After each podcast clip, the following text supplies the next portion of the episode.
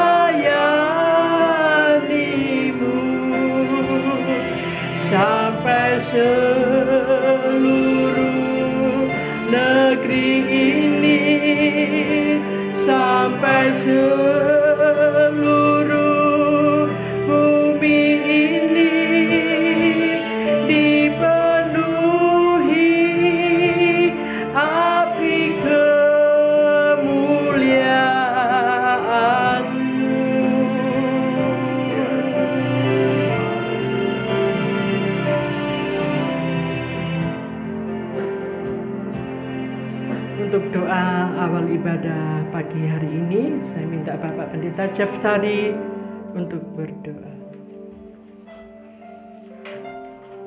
Ya, umat Tuhan yang terkasih, di pagi hari ini kita beribadah kepada Tuhan kita Yesus Kristus.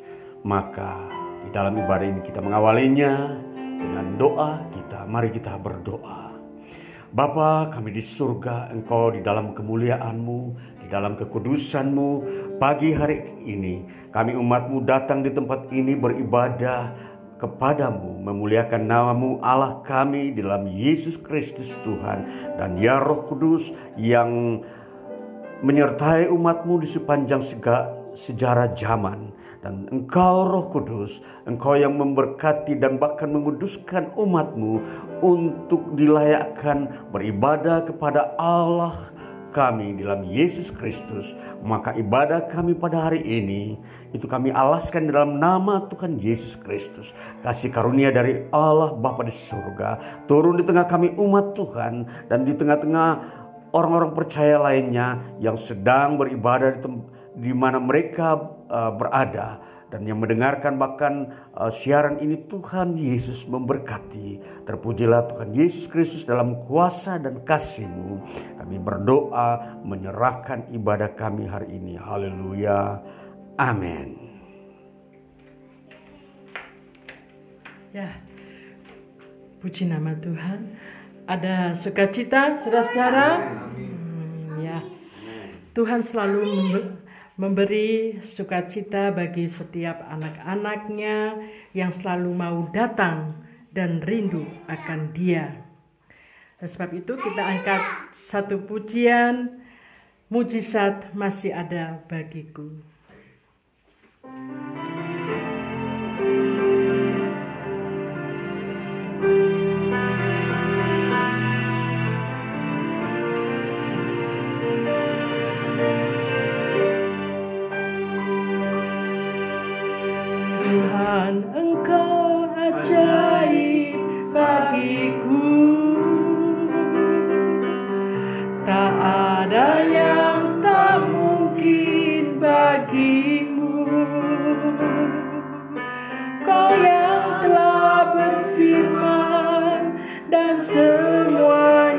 terjadi Tuhan engkau ajaib bagiku. Tuhan engkau ajaib bagiku. Tak ada yang tak mungkin bagimu. Semua yang ku saksikan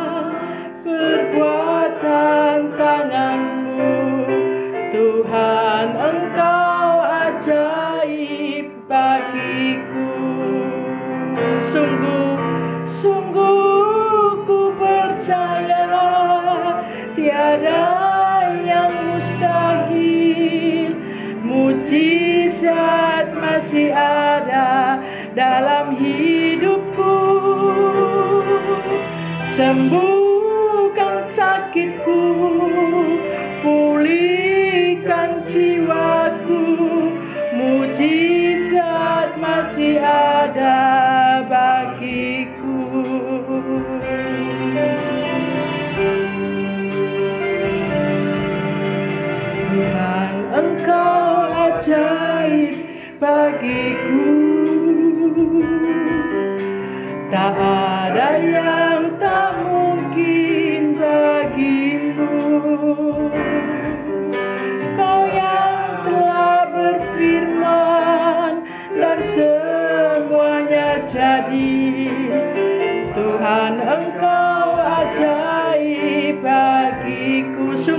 Percaya.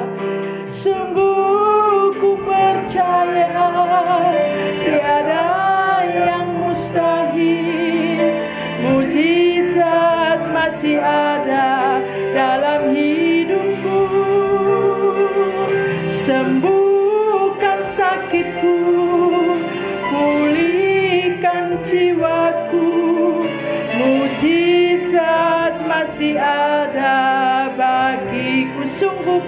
ku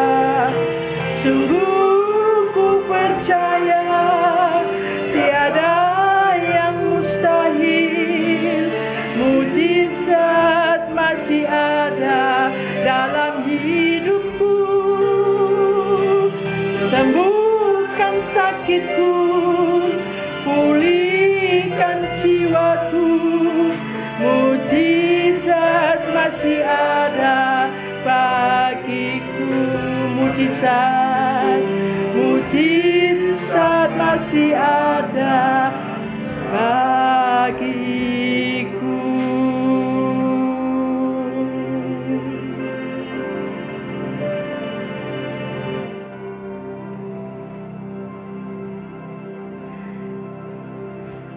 Tiba saatnya kita akan membaca firman Tuhan bersama-sama. Untuk itu saya minta saudara-saudara untuk berdiri.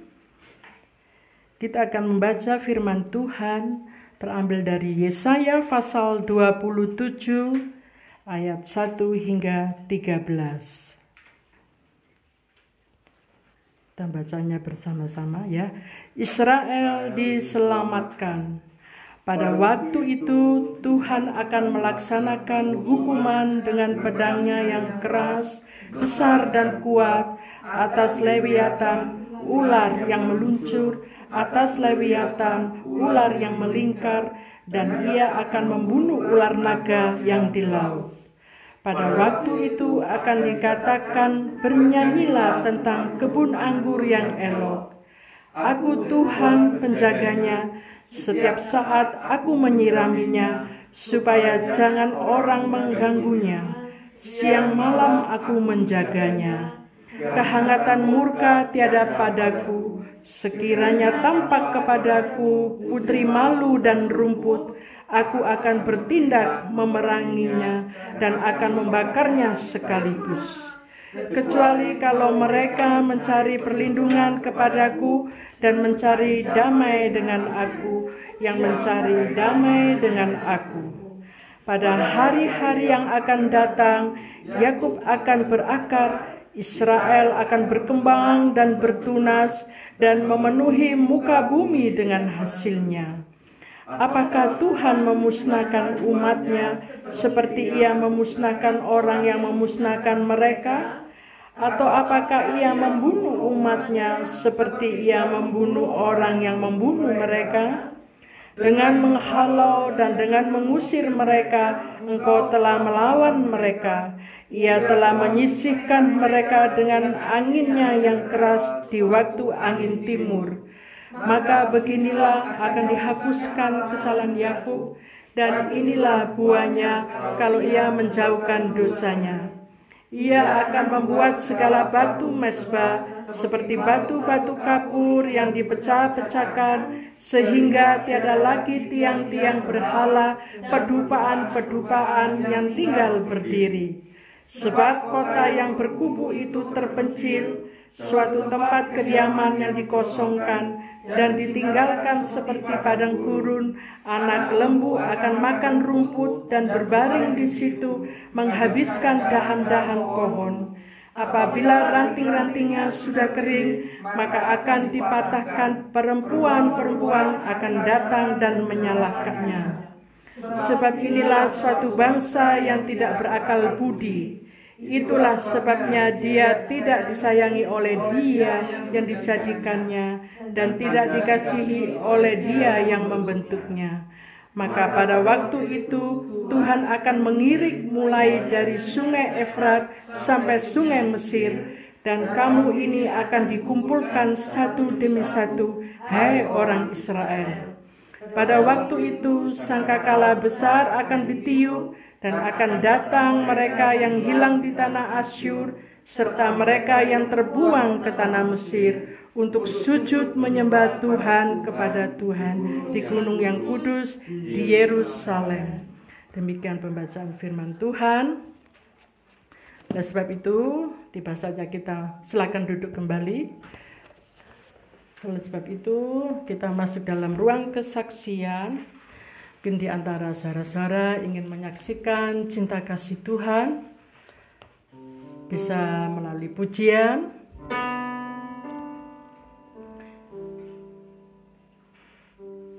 Ya, Tuhan Yesus itu memang sungguh agung dan mulia, dan Ia selalu setia kepada anak-anaknya, bagi anak-anak yang selalu membutuhkan pertolongannya.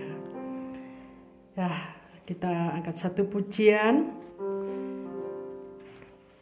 Allah peduli.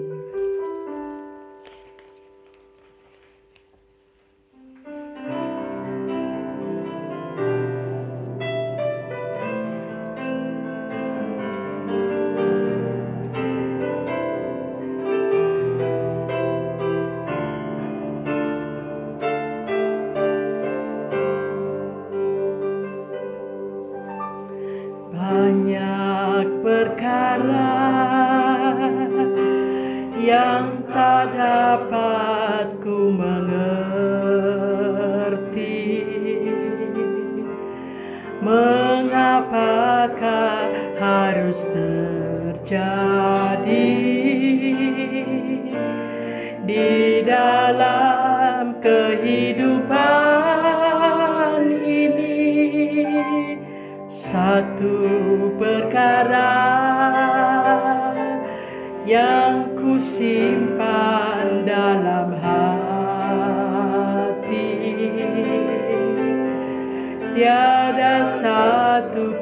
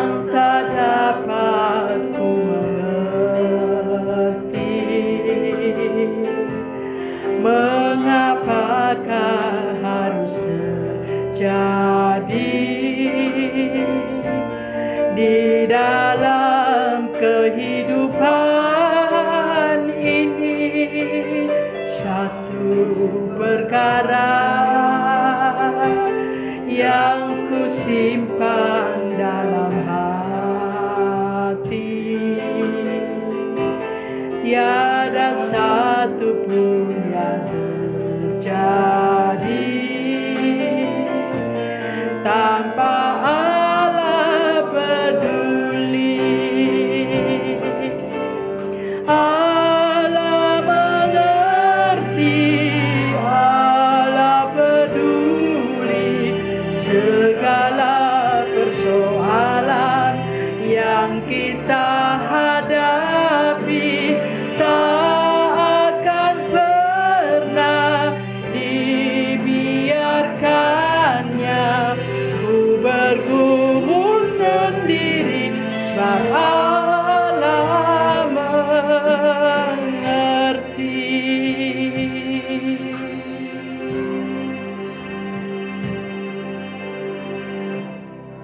Tiba saatnya kita akan mendengarkan firman Tuhan yang akan disampaikan oleh hambanya. Oleh sebab itu, kita mengangkat satu pujian roh Allah yang hidup penuhiku.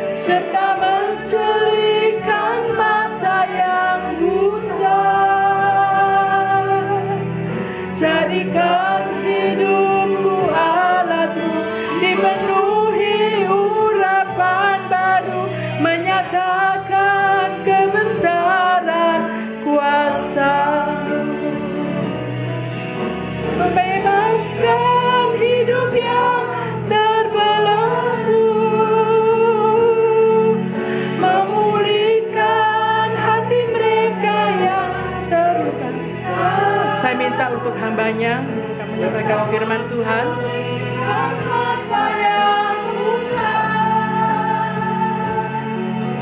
Jadikan hidupku alatmu Dipenuhi urapan baru Menyatakan kebesaran kuasamu. Menyatakan kebesaran kuasamu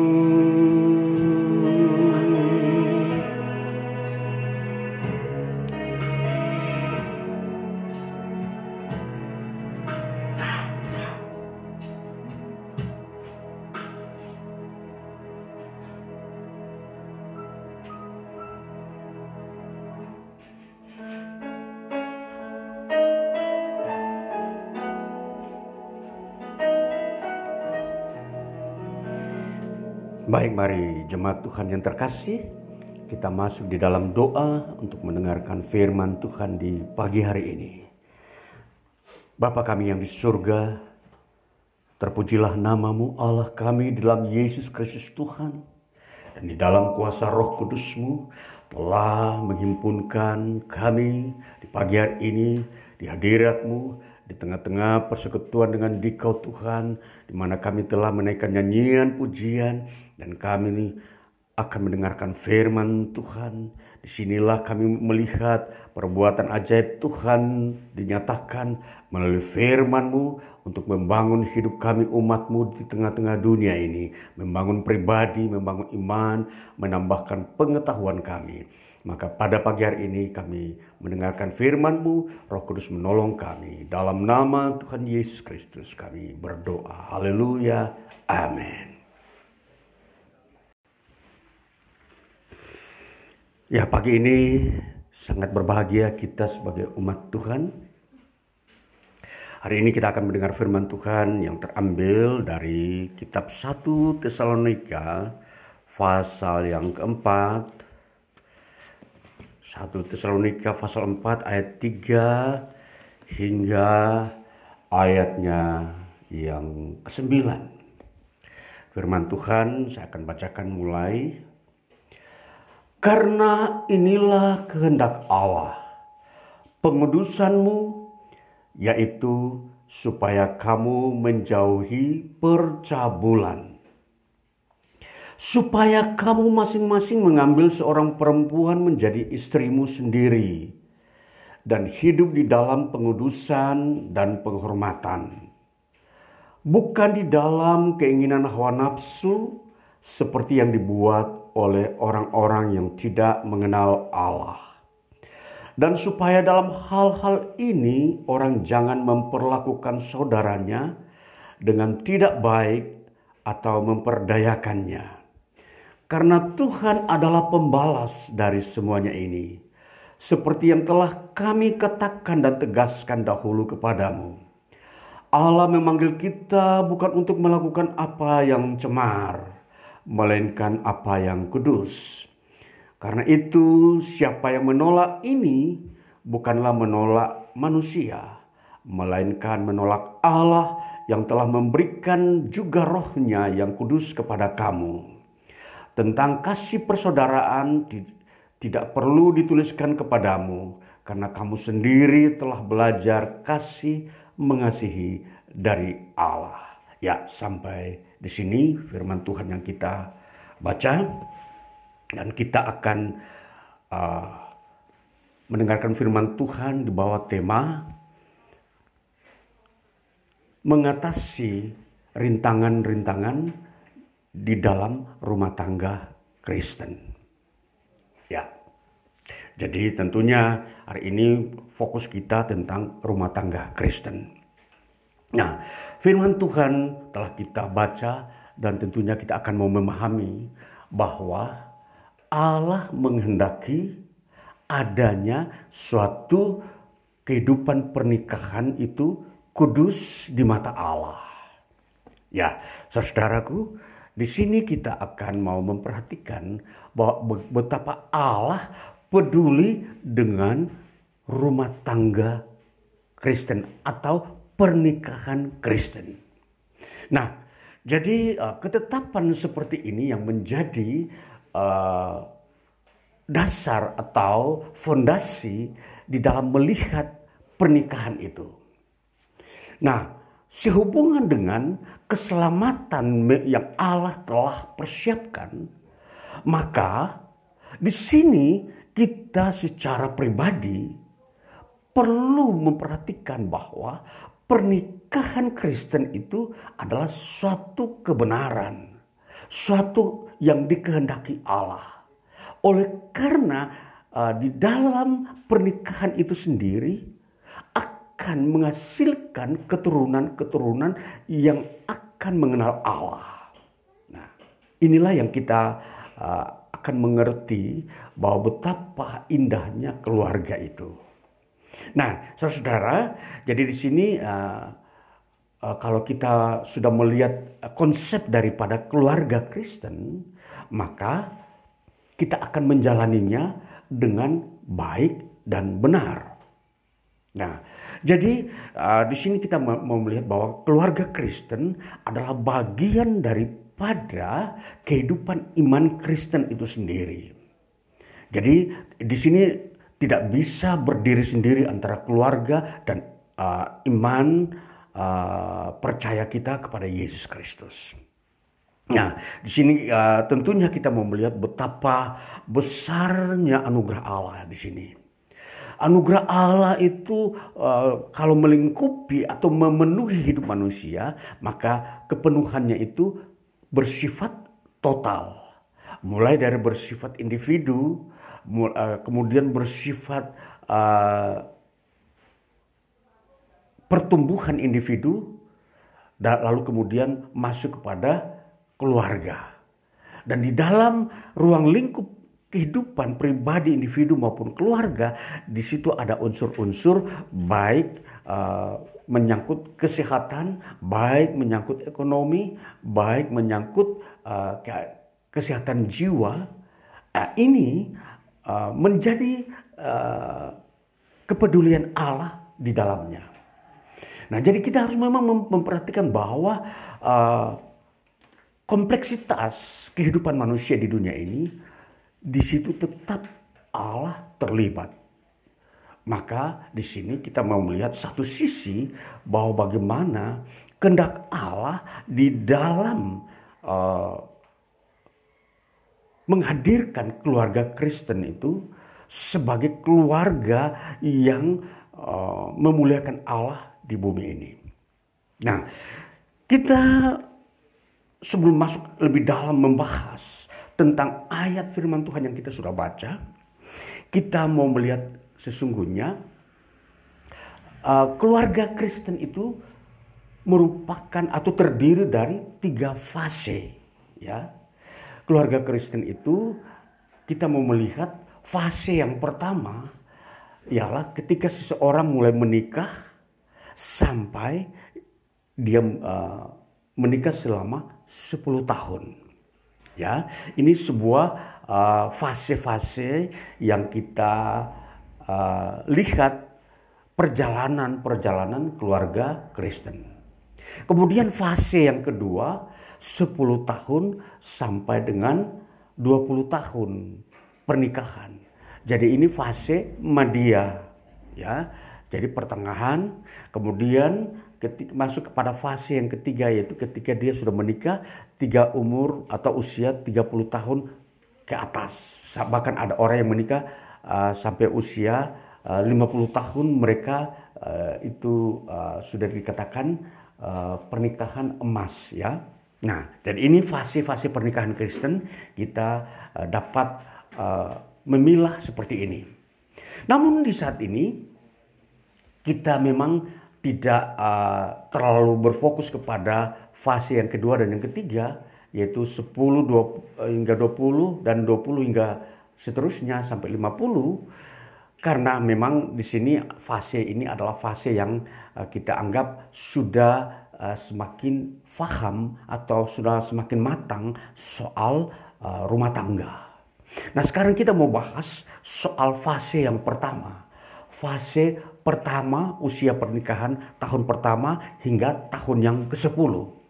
Nah saudara-saudara di dalam fase yang pertama berdasarkan pengalaman-pengalaman kehidupan rumah tangga di ya di dunia ini masyarakat pada umumnya kita tahu bahwa fase-fase ini adalah fase uh, di mana uh, sedang bertumbuhnya bertumbuhnya seseorang uh, di dalam uh, menjaga rumah tangganya. Nah, jadi di sini di dalam fase pertama ini antara tahun pertama hingga tahun ke-10 di sini pun terbagi atas dua bagian, ya. Nah, dua bagian adalah yang disebut tahun pertama sampai tahun kelima ini adalah masa transisi ya masa transisi pertama dan tahun kelima sampai tahun ke sepuluh masa transisi kedua. Nah, kita mau melihat di dalam masa transisi apa artinya masa transisi? Masa transisi adalah masa peralihan dari seseorang yang masih bujang kepada masuk ke dalam rumah tangga. Ya, jadi uh, di sini transisi yaitu peralihan. Jadi peralihan di sini bagaimana seseorang uh, yang dewasa ini dia mau mengenal pribadi yang lain or, atau orang lain. Dalam hal ini lawan jenisnya seorang pria dan seorang wanita. Nah, di dalam memahami atau mengenal masa transisi ini, mengenal pribadi-pribadi masing-masing, maka di sini membutuhkan proses-proses pengenalan. Jadi waktu yang uh, menjadi uh, apa namanya bagian penting di dalam hal ini. Karena memahami pribadi, karakter, latar belakang setiap orang itu tidak dalam satu hari langsung kita mengenal.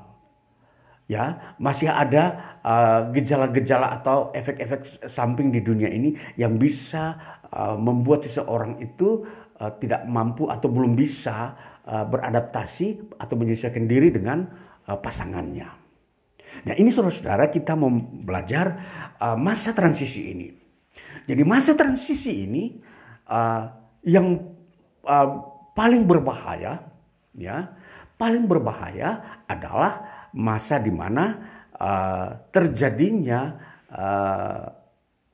unsur lain yang dari luar mau berperanan atau mengambil alih posisi keluarga ini. Ya, unsur luar itu bisa saja ya kita mau memperhatikan uh, faktor-faktor ekonomi. Kedua, faktor-faktor kesehatan. Ya. Ketiga, faktor-faktor lingkungan. Nah, ini ketiga unsur ini dapat menjadi atau merupakan uh, unsur luar yang masuk mengganggu ya, mengganggu masa transisi ini. Ya, masa transisi ini adalah masa yang memang masih labil ya, masih beradaptasi. Maka dengan demikian uh, unsur luar ini inilah uh, yang ada di tengah kehidupan sehari-hari di dunia ini yang bisa menjadi pemicu adanya masa transisi ini menjadi masa goyah atau labil ya. Ya. Jadi di sini kita mau memperhatikan masa ini. Masa transisi ini antara setahun pertama sampai tahun kelima ini sangat-sangat kita harus memperhatikan. Karena di sini uh, kalau kita uh, kurang bersungguh-sungguh uh, serius memperhatikannya, maka di sini celah di mana iblis dapat menghancurkan apa yang uh, kita telah terima dari Tuhan yaitu rumah tangga yang kudus, rumah tangga Kristen. Sekali lagi, rumah tangga Kristen atau keluarga Kristen atau pernikahan Kristen adalah kudus di mata Allah. Jadi ini adalah karya Allah. Kita harus memperhatikan bahwa kalau Allah mengizinkan kita menikah, ya, mem memperoleh uh, seorang istri dan seorang suami, maka itu kita harus sadar bahwa itu adalah kehendak Allah. Sehingga kita harus memelihara, menjaga akan uh, karunia Allah ini. Jadi rumah tangga itu bukanlah sesuatu usaha kita. Bukan.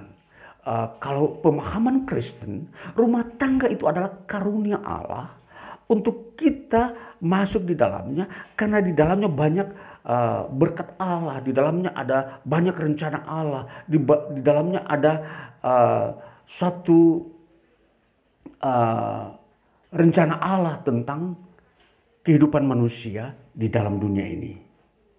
Nah, jadi pemahaman ini dulu yang menjadi dasar pegangan kita.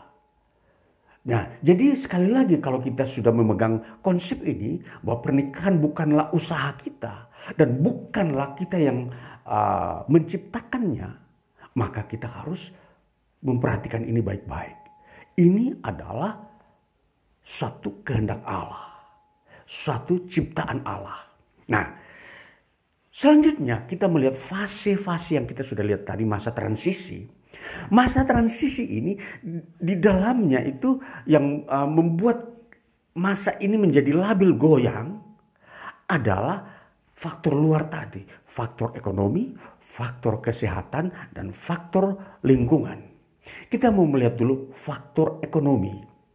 Faktor ekonomi di sini uh, memang uh, begitu berat. Contoh, kalau ada suatu masa di mana uh, krisis ekonomi terjadi, lalu terjadi PHK, ya, lalu dalam masa uh, memasuki masa-masa itu, uh, sukar mendapatkan suatu uh, pertumbuhan kehidupan ekonomi keluarga tersebut, di sini sering kali gangguan-gangguan itu datang, ya, gangguan itu datang uh, yang uh, menawarkan jalan keluar agar ekonomi itu baik, lalu kemudian meninggalkan uh, rumah tangga Kristen ini, atau uh, apa yang Tuhan telah tetapkan untuk uh, keutuhan rumah tangga ini agar dia kudus itu menjadi hancur, ya, karena untuk membela atau mencari suatu uh, jalan keluar dari dari krisis ekonomi tadi. Nah, inilah ujung-ujungnya yang kita mau melihat uh, terjadi uh, uh, kesalahan-kesalahan uh, di dalam bersikap dalam rumah tangga. Yang kita lihat memang terjadi banyak di uh, dunia luar ya. Itu adalah faktor ekonomi. Sekarang faktor kesehatan. Ya, kita memperhatikan banyak kejadian-kejadian faktor kesehatan menjadi pemicu uh, rusaknya atau hancurnya suatu rumah tangga. Ya, katakanlah uh, kecelakaan itu kesehatan itu bisa saja uh, terganggu ada bukan saja faktor dalam dari diri orang tersebut tapi faktor luar. Tiba-tiba celaka ada kecelakaan.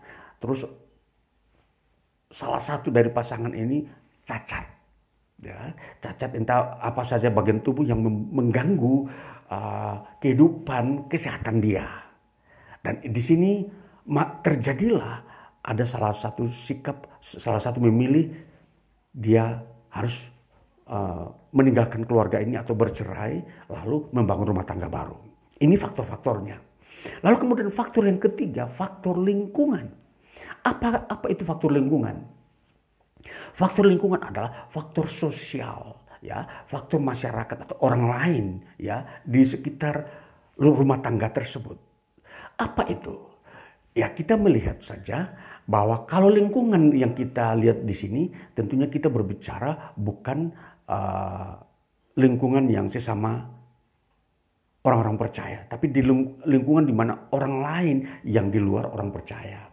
Ya tentunya menerapkan uh, pemahaman atau konsep pernikahan pernikahan itu tidak sama dengan Kristen. Karena di dalam uh, konsep-konsep uh, di luar Kristen banyak menganggap pernikahan itu uh, sesuatu usaha manusia, buatan mereka. Itu suatu uh, kehendak bebas mereka mau menikah sekali, dua kali, bahkan seterusnya. Dan di sini uh, kita diperhadapkan dengan lingkungan ini. Apakah kita mau mengikuti gaya atau pola pikir seperti ini? Nah, ini disebut pengaruh yang bisa mem, uh, masuk ke dalam masa transisi keluarga Kristen. Nah, jadi saudara, kita memperhatikan baik jati diri atau uh, wujud daripada keluarga Kristen dengan pengaruh-pengaruh yang ada ini, kita bisa memilah atau kita bisa mempersiapkan diri kita ketika kita memasuki rumah tangga Kristen dengan faktor-faktor uh, bahaya yang ada di sekitarnya.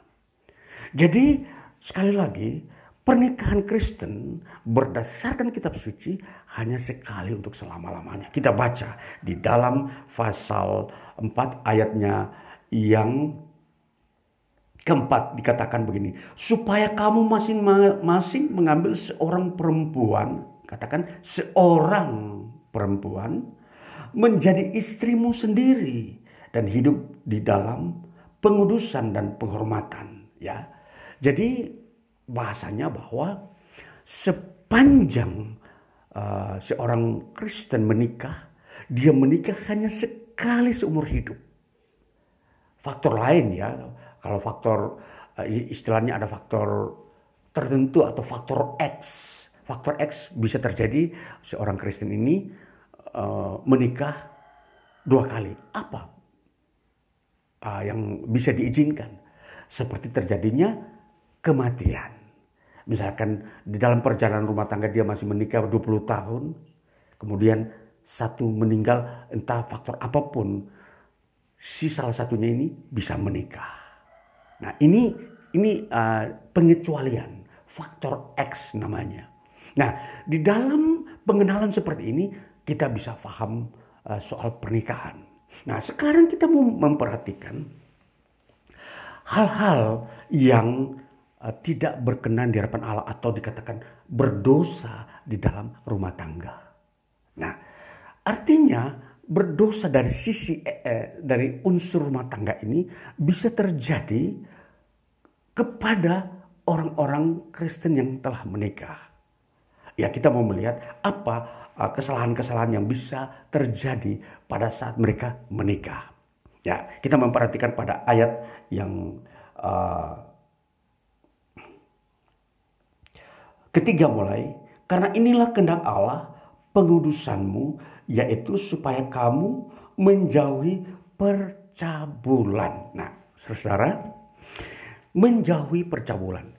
kita harus memperhatikan istilah percabulan. Nah, percabulan adalah sebuah sikap yang uh, menyalahgunakan ya kita memperhatikan kata ini menyalahgunakan kehidupan seksualitas. Menyalahgunakan ya. Jadi konsep ini luas. Jadi uh, uh, di dalam rumah tangga Kristen itu yang harus diperhatikan jaga yaitu jangan sampai percabulan itu masuk di dalam rumah tangga Kristen. Karena kita mau mengerti dulu apa itu percabulan. Percabulan adalah sebuah sikap aktivitas ya yang uh, kehidupan uh, kehidupan pribadi individu yang uh, melampiaskan ya dikatakan melampiaskan uh, seksualitasnya melebihi ketentuan. Ya, ketentuan di sini sebenarnya adalah uh, satu istri. Menurut firman Allah dasar-dasar ketentuan kebenaran adalah satu istri atau suatu suami. Satu suami bisa dibalik ya. Satu istri untuk seorang laki dan seorang istri satu suami. Nah, di sini uh, penyalahgunaan seksualitas ini itu berarti mempunyai makna dia mempunyai istri dua. Itu makna yang pertama atau dia mempunyai suami dua. Jadi ini disebut penyalahgunaan seksualitas di hadapan Tuhan. Jadi ini sudah disebut berdosa. Jauhi percabulan. Terus bagaimana ada sikap berikutnya, ada sikap yang kedua yang disebut bukan menikah tapi perselingkuhan. Ya, tentunya ini sudah penyalahgunaan seksualitas. Dia tidak menikah tetapi berselingkuh. Nah ini disebut dosa dalam rumah tangga. Lalu yang ketiga,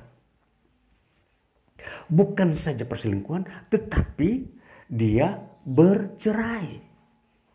Nah, ber, jadi uh, uh, perceraian itu adalah suatu perbuatan perjinahan percabulan di dalam rumah tangga Kristen. Jadi dengan kata lain begini, seseorang uh, yang masa transisi tadi uh, tahun pertama sampai tahun kelima ini di dalam perjalanan pernikahan ya terus tahu-tahu kedapatan satu berselingkuh lalu yang satu mau minta cerai nah dua-dua sama-sama melakukan dosa percabulan itulah sebabnya kalau salah seorang yang uh, merasa dihianati ini dia tidak boleh melakukan perceraian dia harus mengampuni dan bisa terjadi perubahan biar, biar dia juga mendapat eh, pengampunan dosa dan tidak melakukannya lagi. Jadi sikap di sini kita harus memperhatikan bahwa janganlah kita menghancurkan rumah tangga Kristen itu sendiri. Ya. Kalau kita menghancurkannya, maka kita pun berdosa. Perceraian adalah sikap menghancurkan rumah tangga Kristen. Ya, kita harus memperhatikan ini baik-baik. Karena apa yang disatukan Allah jangan diceraikan oleh manusia. Kalau manusia me, uh, menghancurkannya, maka dia menghancurkan menghancurkan uh, apa yang Allah telah ciptakan. Nah, jadi ini saudara-saudara, kita harus mem memperhatikan ini. Nah, jadi uh, keberdosaan-keberdosaan yang ada di sini kita harus bisa mengerti sehingga kita tidak berdosa dalam kehidupan kita ketika kita sudah berumah tangga. Ah, jadi uh, kita uh, di dalam mengatasi ya kesulitan-kesulitan atau rintangan-rintangan di dalam rumah tangga itu, maka kita harus mempunyai pemahaman tentang rumah tangga itu sendiri. Nah, jadi kalau ada kesulitan-kesulitan di bidang ekonomi, kesehatan lingkungan, kita harus bisa uh, mengatasi itu bagaimana caranya dengan prinsip kebenaran firman Tuhan. Kesulitan ekonomi, kita harus bisa bekerja keras tanpa harus menyalahgunakan uh, katakanlah uh, sikap-sikap perselingkuhan sehingga terjadi uh, satu uh, kegiatan uh, penyalahgunaan seksualitas di dalam rumah tangga. Ini uh, seperti itu. di dalam dunia uh, kesehatan. Katakanlah contoh, uh, uh, pembahasan ini memang adalah suatu pembahasan uh, ilmiah, bukan sebuah uh, reka-reka. Tetapi hal ini kejadiannya uh, sudah banyak terjadi, seperti tiba-tiba ada orang uh, mengalami gangguan uh, gangguan kesehatan ketika dia bekerja keras lalu dia kena stroke. Nah, ini dia kena stroke, tentunya fungsi-fungsi dia sebagai seorang uh, di dalam rumah tangga tidak akan uh, normal. Sehingga otomatis tidak boleh ada sikap salah satu pihak berkata, aku mau menceraikan suamiku karena dia stroke. Ini tidak boleh. Ya, ini tidak boleh terjadi. Nah, ini dalam dunia kekristenan keluarga rumah tangga Kristen. Itulah sebabnya memperhatikan hal ini sehingga tidak melanggar firman Tuhan. Kemudian yang ketiga, pengaruh lingkungan.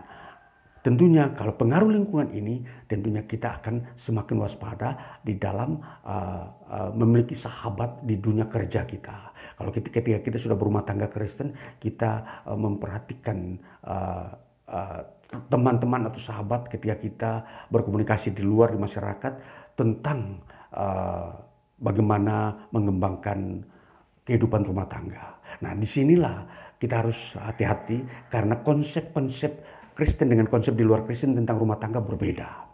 Ya, karena kita harus perhatikan konsep rumah tangga Kristen di dalam Alkitab mengajarkan hanya menikah sekali seumur hidup.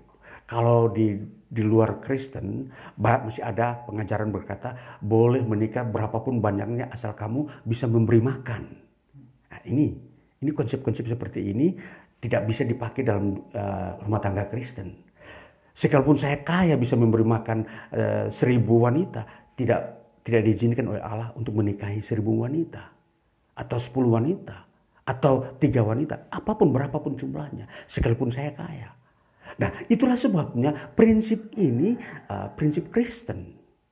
Nah, ini harus uh, di, dikembangkan, dipakai supaya kita tidak berdosa kepada Tuhan. Nah, jadi kita harus mengerti bahwa uh, di sini uh, menjalani kehidupan kita di dunia ini ketika kita berumah tangga harus kita mengerti di sini rumah tangga Kristen. Nah, kemudian kita mau melihat sisi yang lain, kita mau melihat bahwa di dalam rumah tangga Kristen, di sini kita telah ya dikuduskan. Kita memperhatikan pada ayatnya yang ketujuh, Allah memanggil kita bukan untuk melakukan apa yang cemar, melainkan apa yang kudus. Ayat 8, karena itu siapa yang menolak ini bukanlah menolak manusia, melainkan menolak Allah yang telah memberikan juga rohnya yang kudus kepada kamu. Nah, rumah tangga Kristen itu bukan tanpa isi di dalamnya. Allah memberikan rohnya untuk memelihara rumah tangga ini. Ya. Sehingga kita harus sadar betapa uh, indahnya kita. Kita ketika berumah tangga di situ roh Allah masuk atau roh Allah tinggal diam untuk supaya menjaga kita. Nah, itulah sebabnya kita bisa berkomunikasi. Kita harus berkomunikasi terus dengan Tuhan. Kita terus uh, beribadah kepada Tuhan sehingga di situ uh, aktivitas-aktivitas kita dengan Allah uh, itu terus berjalan dan Roh Kudus Allah terus uh, mendewasakan pernikahan Kristen itu. Nah, jadi tentunya di dalam masa transisi ini kesulitan-kesulitan yang dihadapi ya itu bisa diatasi dengan doa-doa kita. Kita berdoa sehingga Roh Kudus bisa menguatkan menghibur kita sehingga kita bisa melewati karena masa krisis adalah masa itu tidak akan terjadi selama-lamanya. Masa krisis itu hanya beberapa waktu. Ya. Jadi jangan gampang putus asa ketika suatu krisis itu terjadi. Di PHK misalkan. Lalu kemudian putus asa. Ini jangan uh, jangan bersikap seperti itu. Karena memang kita sadar bahwa dunia tidak selamanya dalam keadaan uh, normal atau uh, produktif. Ada suatu masa krisis dan ini uh, membawa dampak kepada kehidupan ekonomi. Nah, jadi di dalam memahami ini, tentunya ketika ada keluarga-keluarga yang masa transisi baru menikah, mereka mengalami gejolak harus uh, perhatikan baik-baik. Ini uh, jangan cepat-cepat putus asa harus memperhatikan firman Tuhan dan banyak berdoa. Ini kehidupan kerohanian di dalam rumah tangga ini sangat penting, yaitu di dalam berdoa. Nah, jadi dengan pemahaman-pemahaman ini kita mau melihat bahwa uh, uh, kita mau mengerti tentang kehidupan rumah tangga Kristen. Lalu kita mau melihat selanjutnya, sebenarnya proses daripada pernikahan Kristen di dalam uh, perkembangannya itu dari dua menjadi satu. Kita harus mau memahami mengerti. Pernikahan itu artinya dari dua orang itu menjadi satu kesatuan. Nah, di sini proses ini proses ilahi. Allah yang membentuknya sehingga kedua orang ini dalam kondisi karakter apa pun yang berbeda, dia bilang oh saya latar belakangnya um, apa namanya contoh di latar belakangnya dia seorang yang dibesarkan dari lingkungan uh, pedagang, contoh. Saya dibesarkan dari lingkungan uh, ABRI atau uh, PNS, saya dibesarkan dari lingkungan petani, atau saya dibesarkan dari lingkungan rohaniawan. Nah, ini hal-hal latar belakang latar belakang yang bisa menjadi uh, uh, apa namanya uh, kebiasaan dalam bertingkah laku.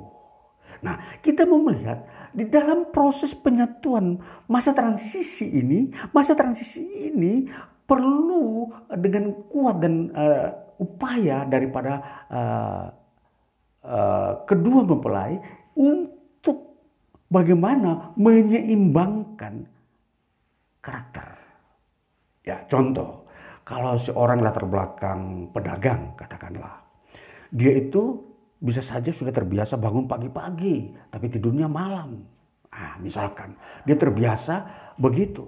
Sedangkan seorang yang latar belakangnya mungkin keluarganya uh, eh, PNS apa, dia bangunnya tidak seperti itu. Dia bangunnya sesuai standar. Jadi dia tidak bangun pagi-pagi karena uh, keluarganya uh, seorang pegawai dan bisa uh, persediaan makanan selalu ada. Nah, karena kebiasaan ini mereka menikah. Yang satu bangun pagi-pagi, yang satu bangun agak agak siang.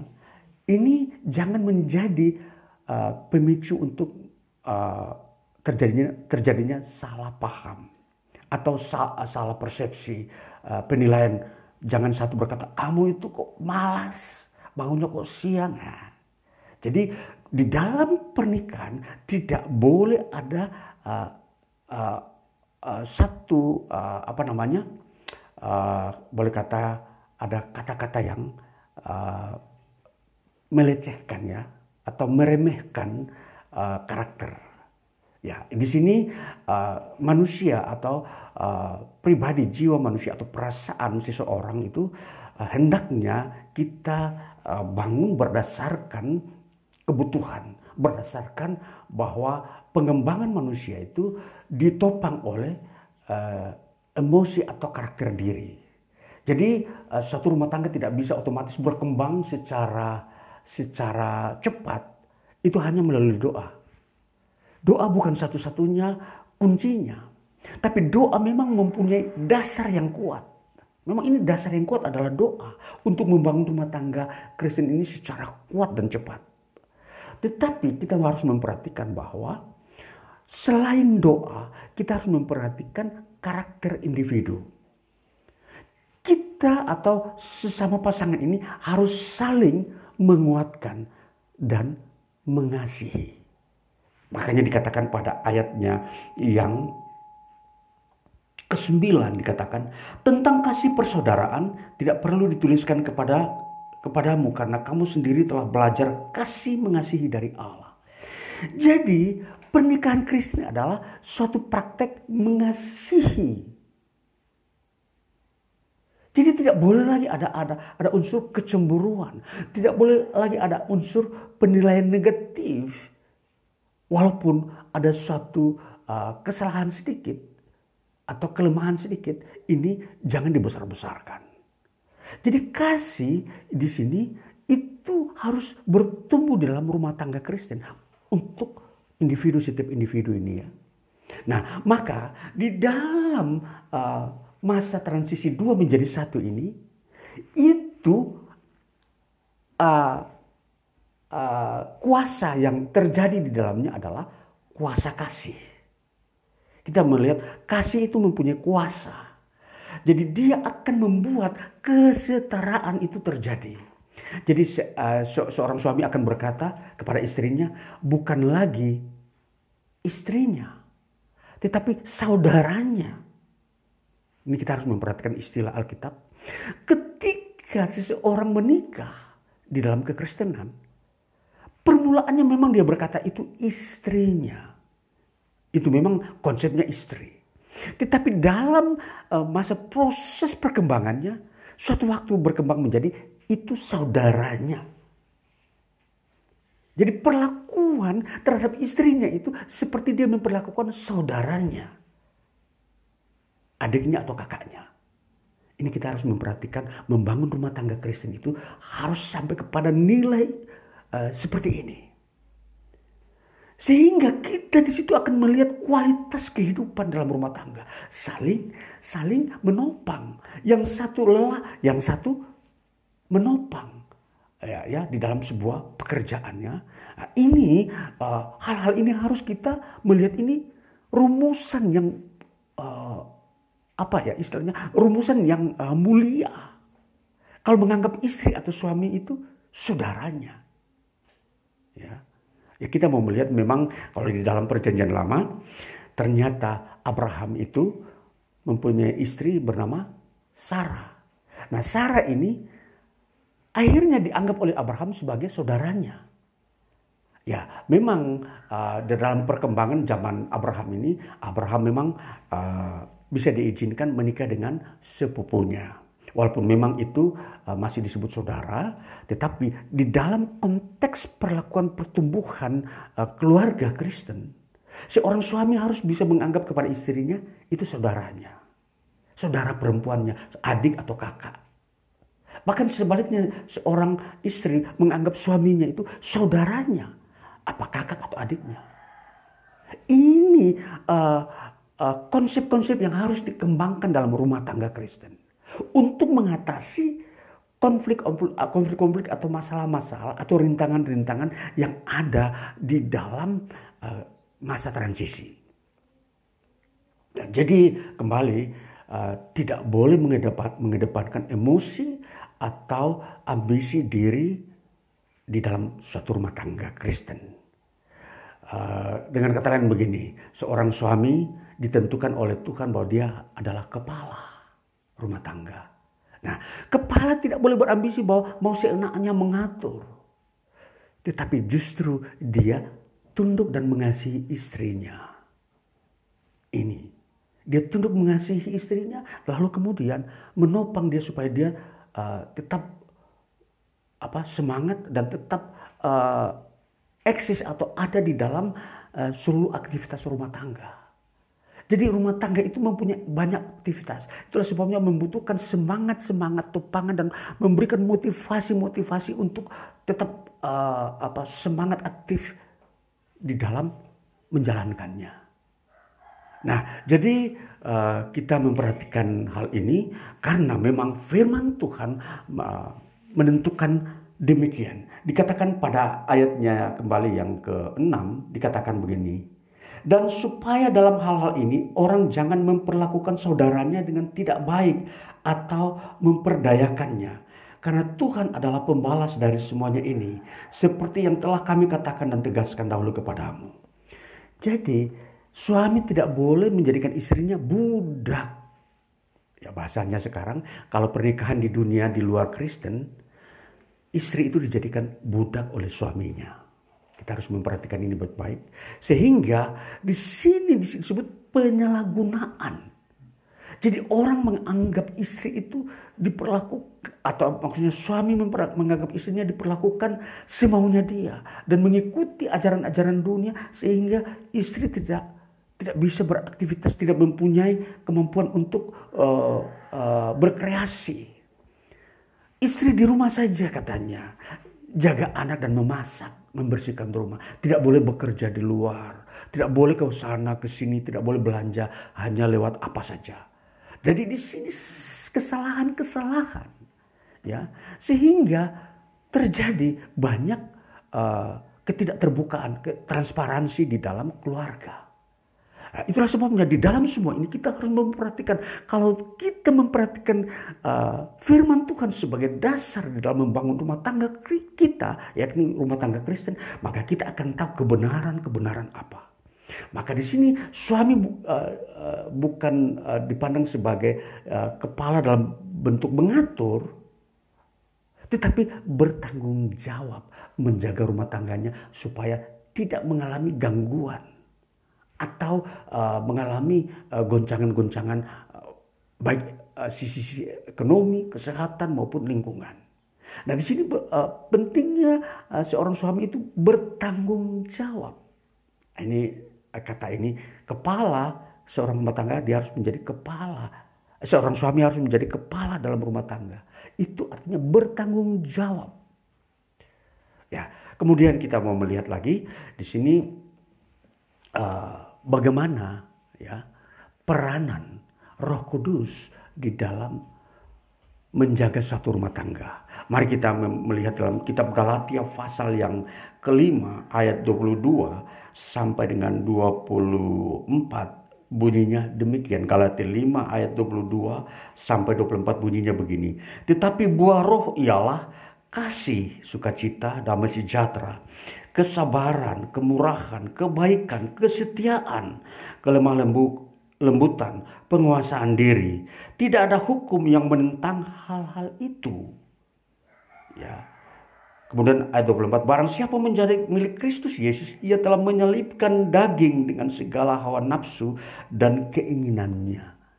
Jadi di sini rumah tangga Kristen itu tidak bisa dilepas dari kehidupan individu. Walaupun dia sudah dua menjadi satu, tetapi masih ada individu. Nah, jadi artinya bahwa setiap individu ini harus hidup di dalam kasih. Karena rumah tangga Kristen bukanlah mesin, bukan uh, robot yang hanya diganti spare part kalau dia rusak. Rumah tangga Kristen ini adalah makhluk hidup pribadi di mana manusia di dalamnya dan roh Allah mempunyai peran penting di dalamnya.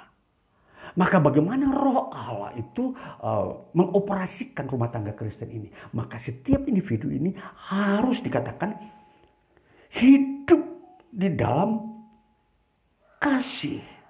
Dikatakan buah-buah roh ialah kasih. Jadi roh itu harus uh, memerintah kita sehingga melahirkan kasih. Kalau sudah Roh Kudus memerintahkan kita masing-masing, suami dan istri, maka akan melahirkan kasih.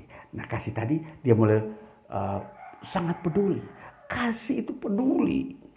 Ya, kasih itu dikatakan lagi dia akan suka cita, damai sejahtera. Berarti tidak ada unsur-unsur uh, kalimat-kalimat yang yang uh, negatif atau kalimat-kalimat yang uh, melecehkan itu tidak boleh, tidak ada di dalamnya.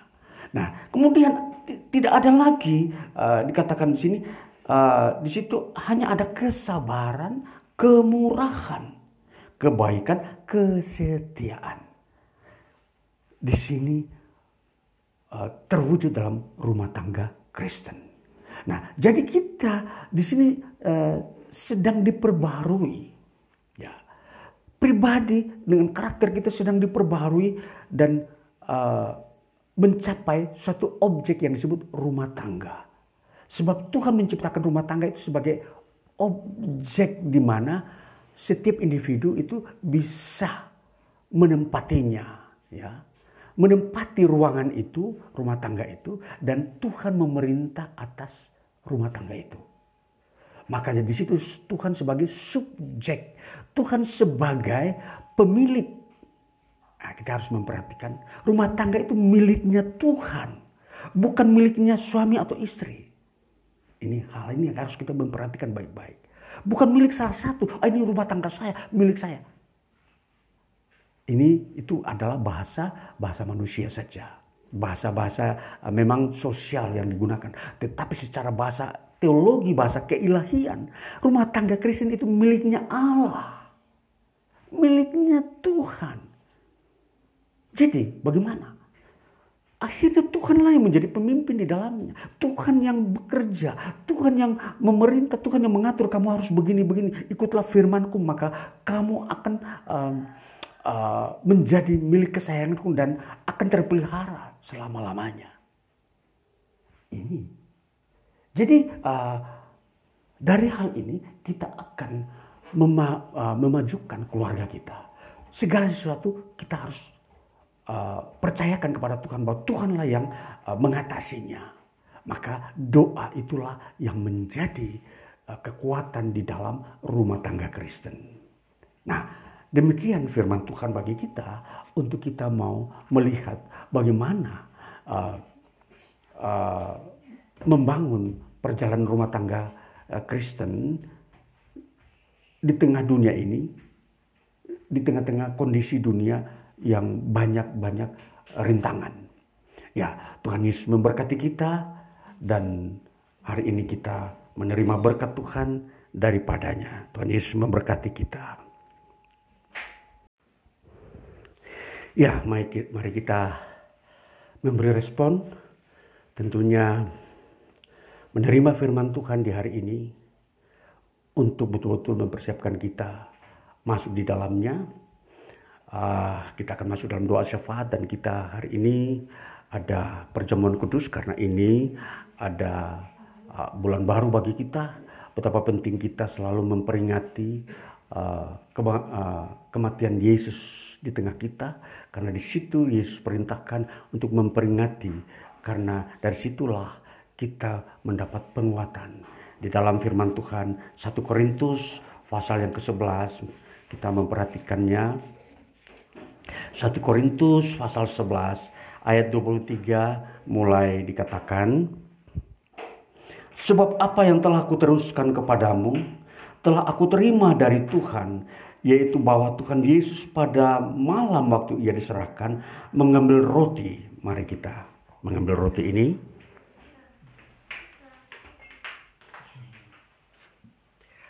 Ya kan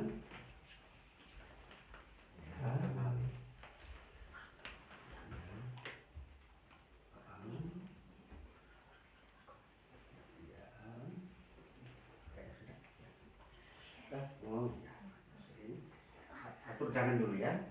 Hmm. ya.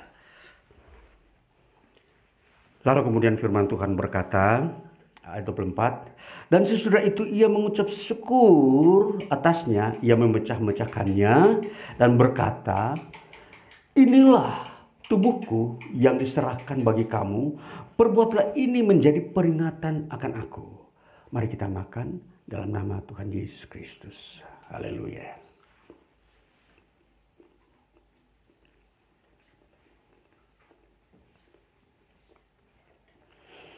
Kemudian di ayat 25 berkata, Demikian juga ia mengambil cawan sesudah makan, lalu berkata, Cawan ini adalah perjanjian baru yang dimeteraikan oleh darahku. Perbuatlah ini setiap kali kamu meminumnya menjadi peringatan akan aku. Mari kita mengambil minuman uh, anggur ini.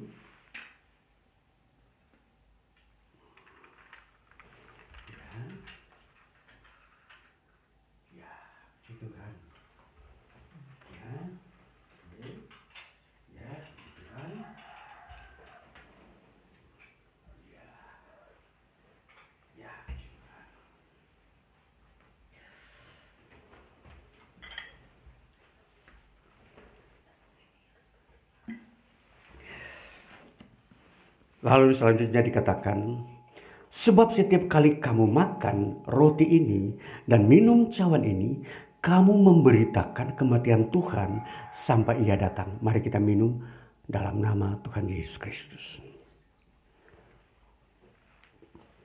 Ya, puji Tuhan, kita telah melakukan satu perjamuan kudus di dalam kita terus maju di dalam iman dalam hidup ini bersama Tuhan. Karena di mana kita menyertakan Tuhan, di situ Tuhan campur tangan dan menjaga proses perjalanan hidup kita sampai kepada kekekalan. Tuhan Yesus memberkati. Mari kita masuk dalam doa kita.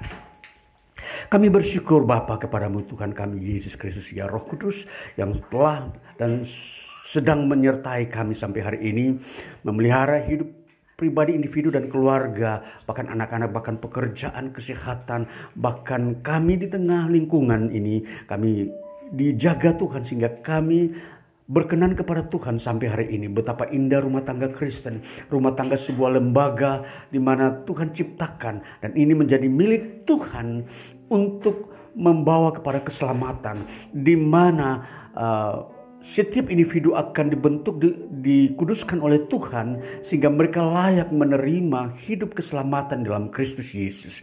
Tuhan terima kasih lewat pengampunan dosa yang Tuhan telah kerjakan dalam hidup pribadi kami ketika kami masih muda sampai kepada masuk ke dalam rumah tangga. Di situ proses pengudusan pengampunan dosa selalu Tuhan kerjakan dan darah Yesus Kristus selalu menyucikan kami umatmu dari dosa kesalahan kelemahan. Kami terus mau membentuk pribadi kami secara individu dalam rumah tangga supaya karakter-karakter kami dikuatkan, dibentuk oleh Roh Kudus di mana terbentuklah pribadi yang penuh kasih. Setiap orang memiliki kasih dalam rumah tangga, baik suami terhadap istri, istri terhadap suami, dan terhadap anak. Anak memiliki kasih terhadap orang tua. Semuanya lahir dan dibentuk daripada kasih. Dan kemudian damai sejahtera, sukacita, penguasaan diri, kesabaran, kemurahan, dan uh, kebaikan. Di situ bertumbuh dalam satu rumah tangga Kristen dan pribadi lepas pribadi. Kami bersyukur Bapak Pagi ini kami mau berdoa untuk kehidupan kami memasuki masa kerja kami di besok hari. Di tengah pekerjaan-pekerjaan kami yang masih kami kerjakan yang Tuhan karuniakan Tuhan memberkati. Dan biarlah dari hasil pekerjaan itu membawa kehidupan damai sejahtera sukacita dalam rumah tangga. Dan Tuhan sendiri yang memelihara rumah tangga Kristen sehingga kebutuhan makanan, minuman, kesehatan dan perumahan Tuhan menyediakan, mengaruniakan sehingga bertumbuh setiap keluarga Kristen ini di dunia ini. Mereka tidak akan mudah hancur, tidak akan mudah uh, mengalami patah semangat. Tapi Tuhan selalu berfirman supaya setiap orang membuka pribadinya, membuka hatinya untuk mengerti kehendak Tuhan dalam rumah tangga Kristen ini. Maka kami berdoa supaya Tuhan memberkati di hari ini setiap rumah tangga Kristen, rumah tangga umatmu saat ini di gereja, di mana uh, umatmu ber, berbakti di tempat ini. Bahkan uh, rumah tangga-rumah tangga Kristen lainnya yang ada di sekitar kami. Kami berdoa untuk mereka sehingga mereka uh, dipelihara Tuhan, mereka masuk di dalam bimbingan pimpinan Roh Kudus sehingga mereka uh, sadar bahwa mereka adalah milik Tuhan sehingga kehidupan rumah tangga Kristen itu mulia, berharga dan sukses di dalam kehidupan mereka. Tuhan Yesus terima kasih hari-hari ini kami menyerahkan tubuh jiwa roh kami memasuki masa kerja, masa-masa lingkungan-lingkungan yang sedang juga kami uh, jalani. Kami membutuhkan kesehatan, berkat, kekuatan, pemeliharaan Tuhan di tengah-tengah kehidupan kami di dunia ini dari berbagai-bagai ancaman-ancaman baik virus corona secara khusus yang saat ini.